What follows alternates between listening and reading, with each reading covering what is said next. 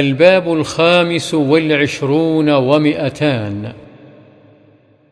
باب بيان فضل صوم المحرم وشعبان والأشهر الحرم.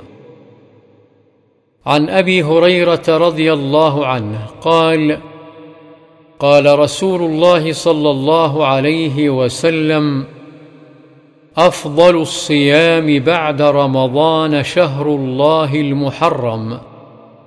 وأفضل الصلاة بعد الفريضة صلاة الليل. رواه مسلم. وعن عائشة رضي الله عنها قالت لم يكن النبي صلى الله عليه وسلم يصوم من شهر أكثر من شعبان فإنه كان يصوم شعبان كله. وفي رواية كان يصوم شعبان إلا قليلا. متفق عليه.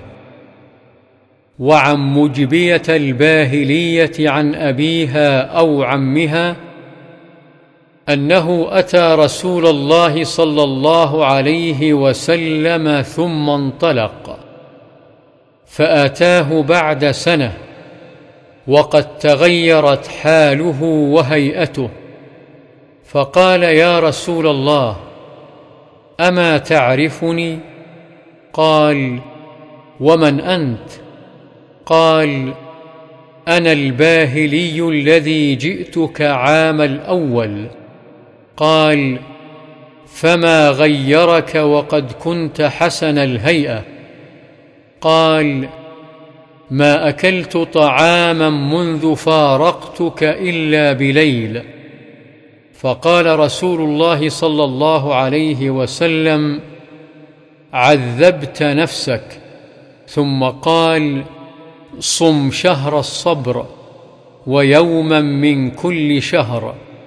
قال زدني فإن بي قوة. قال صم يومين. قال زدني. قال صم ثلاثة أيام. قال زدني. قال صم من الحرم واترك. صم من الحرم واترك. صم من الحرم واترك. وقال بأصابعه الثلاث فضمها ثم أرسلها. رواه أبو داود. وشهر الصبر رمضان. قال الألباني رحمه الله قلت إسناده ضعيف كما بينته في التعليق الرغيب على الترغيب والترهيب.